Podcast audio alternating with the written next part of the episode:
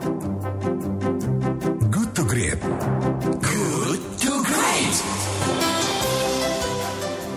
Anda masih bersama kami di Go to Great because good is the enemy of great dan masih bersama saya Ijul dan kita masih berada di sesi diskusi pagi ini yang membahas tema bagaimana mengatasi disfungsi sosial sebagai dampak kecemasan dan ketakutan terhadap pandemi corona.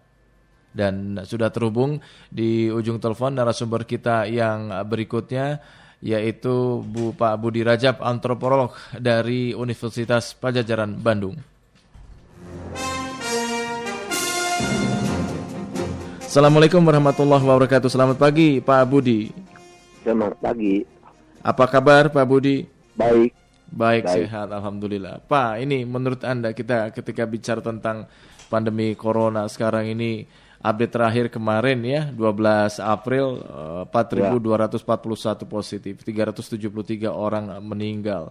Tentu saja ini menjadi sebuah eh, pemikiran bagi seluruh rakyat Indonesia. Nah, menurut Anda dampak apa yang terjadi pada individu ya Pak terkait pandemi eh, virus COVID-19 ini Pak? Ya bila setiap hari bertambah Mhm. eh, penderitanya Hmm. Ya semakin panik lah masyarakat ya. Mhm. Gitu aja. Hmm. Apa menurut Anda yang bisa membuat ini semakin eh, panik, eh, Pak Budi? Ya karena pertambahan itu pertambahan pe- eh, pengidapnya Mhm. itu kan akan semakin panik akan eh, nanti kan berpikir kapan menimpa saya Hmm. Ya, ya, ya. Ini kalau kita bicara berarti panik itu kan ada hubungannya dengan kecemasan dan ketakutan, begitu ya Pak Budi? ya iya Nah. jelas dong Ah, akankah ini kecemasan dan ketakutan ini eh, menurut Anda bagaimana kecemasan dan ketakutan ini berdampak kuat terhadap eh, disorganisasi sosial atau juga disfungsi sosial ini Pak Budi? ya bagaimanapun eh, kepanikan, eh, ketakutan, kecemasan, kekhawatiran membuat eh, orang eh, yang eh, panik itu menjadi tidak bisa produktif, Mm-mm. tidak bisa eh, berpikir dengan lurus atau gitu aja Mhm. sebenarnya. Mhm. Jadi produktivitas itu akan menurun. Hmm. Lalu tatanan di apa organisasi sosial gitu loh. Kemudian fungsi sosial ini juga eh, ke depan akan menjadi tidak berfungsi lagi gitu ya Pak Budi. ya? Iya.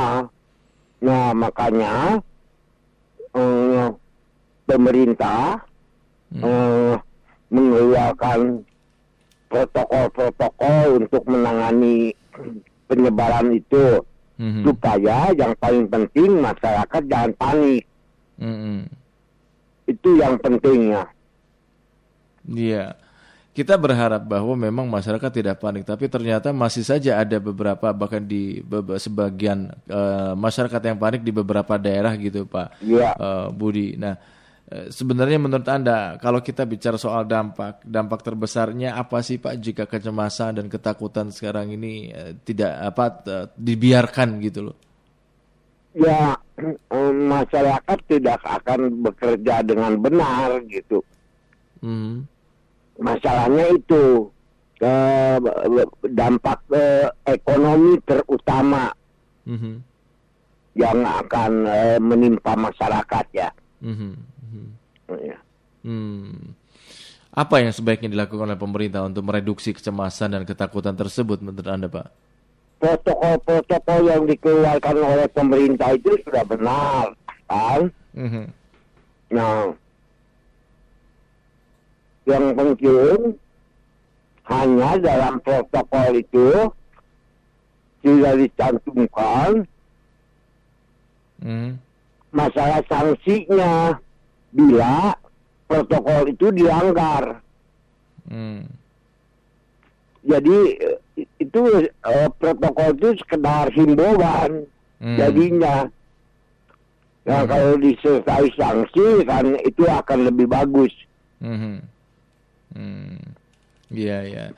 Anda sendiri bagaimana melihatnya? Apa harapan Anda apa yang harusnya itu tadi ya eh, dilakukan oleh kita sebagai civil society, Pak, agar tadi eh, disfungsi sosial dan juga disorganisasi Ya. sosial ini tidak terjadi gitu. Pokoknya mah yang penting dalam protokol pemerintah itu, dalam peraturan-peraturan pemerintah itu untuk menangani penyebaran COVID-19 itu ada sanksinya. Nah ini tidak ada Hmm. masalahnya. Umpamanya eh, sanksi itu bisa berupa denda, bisa berupa hukuman kurungan atau apa gimana lah. Eh, bisa dicari soal sanksi mah. Hmm. Ya tapi yang penting di sanksinya itu Tidak ada ketegasan gitu ya Pak Budi. ya? tidak ada ketegasan. Baik, baik. Jadi kalau orang berkumpul sanksinya nggak ada, hanya dihimbau aja jangan ini, ini, ini gitu. Mhm. Ya begitu ya masuk telinga kanan keluar telinga kiri dong dengan segera itu. Mhm, mhm. Kalau tidak ada sanksi. Hmm. Baik, baik, baik Pak Budi kalau gitu. Terima kasih Pak Budi atas waktunya pagi ini kita bincang-bincang Pak Budi. Ya, Selamat pagi, Assalamualaikum warahmatullahi wabarakatuh. Demikian sahabat kelat Budi Rajab, antropolog dari Universitas Pajajaran Bandung.